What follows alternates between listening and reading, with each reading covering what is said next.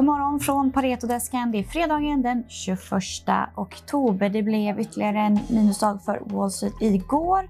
Snap rapporterade igår efter stängning, missade på intäkterna, rasade 27 procent i efterhanden och här i Sverige så fick vi en omvänd vinstvarning från Sinch igår som rusar idag på svenska börsen. Så både sött och salt kan man säga, sött och surt. Vi ska prata Munters idag som mm. har rapporterat en bra rapport. Eh, Anders Roslund, det är ett bolag som vi har i vår modellportfölj så som vi gillar. Mm. Datacenter är någonting vi brukar eh, lyfta fram. Hur går ja. det i den divisionen? Jo, det går extremt bra och det var det igen som överraskade. De, det var känt tidigare att de skulle få order på 2,4 miljarder i, från datacenterverksamheten. Men de fick en miljard till. Mm. Så nu hade de order totalt sett eh, på 3,4 miljarder bara i datacenterverksamheten. Ja. Eh, och det var lite mer än vad vi hade väntat oss. Ja, men det, det har väl varit också så här, det är såklart jättekul, jättebra, men det har väl varit en oro om de kan absorbera de här ordrarna?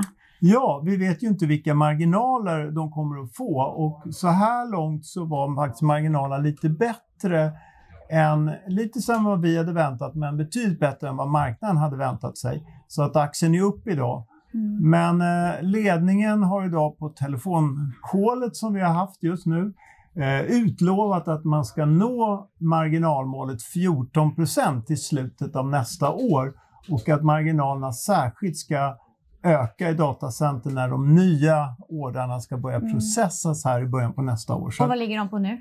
Alltså nu låg den på 6,4 procent så det är ett långt eh, nivå upp till 14. Eh, men är det rimligt eller vad bedömer du? Ja, det är ju en del av, av förväntningarna men jag tror ingen förväntar sig i dagsläget att de ska nå upp till 14 procent. VDn tar i så att eh, ja, det mm. räcker med att utlova detta till slutet av nästa år. Och han säger att vi ska börja se det redan i början på nästa år. Mm. Så att det vill till att det blir ett rejält nivålyft.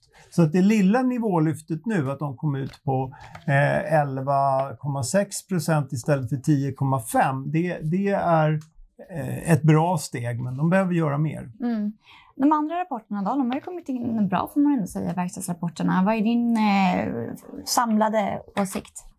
Ja, vi har ju väntat oss eh, att de flesta ledningarna skulle varit väldigt negativa och säga att nu börjar efterfrågan falla. Men överraskande nog har orderingången varit fantastisk och eh, de flesta har varit relativt positiva även för Q4. Mm. Så att eh, det visar tydligt att det är en väldigt tudelning i världsekonomin mellan konsumenten som har det väldigt tufft och industriinvesteringarna som fortsätter på extremt höga nivåer.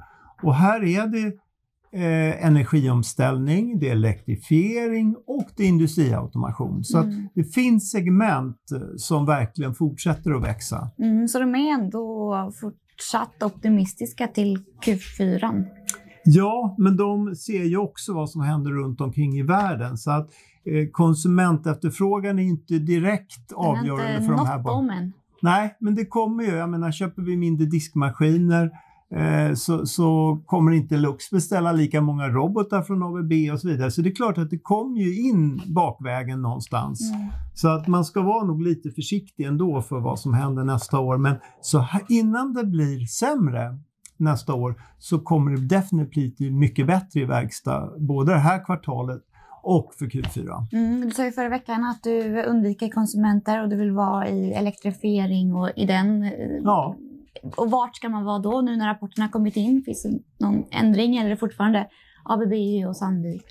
Ja, det är fortfarande ABB, Sandvik, men det går bra för de andra också. Vi lyfte faktiskt Atlas som vi har behållit. Vi har tyckt Atlas lite dyrt, men det var en väldigt bra rapport som de levererade, så mm. nu har vi köpt där också. Vi har köpt på, på de flesta verkstadsbolagen just därför att vi tycker om den här investeringscykeln. Mm. Ja, tack så mycket Roslund. Förutom mm. de här bolagen så har vi även släppt uppdaterade analyser på, eller vi har släppt kommentarer på Telia som var inline. De rapporterade idag. Wihlborgs rapporterade en bra rapport.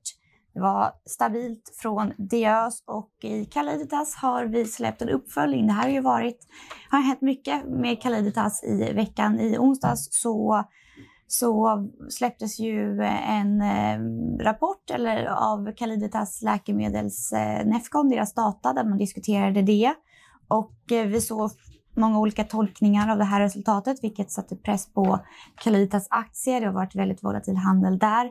Nu igår så gjorde vår analytiker Dan Akshuti en eh, intervju med den professorn som var lead på lead author på den här eh, akademiska rapporten om den här data readout. Så att, intressant att lyssna in på, på den och då ställer också den många frågor som har varit lite tveksamma. Så den kan man lyssna på och vi släpper också en kommentar om det idag. MP3 var inline och sign-up något över våra estimat. Så det var analysverkstan den här fredagen. Ha nu en trevlig helg!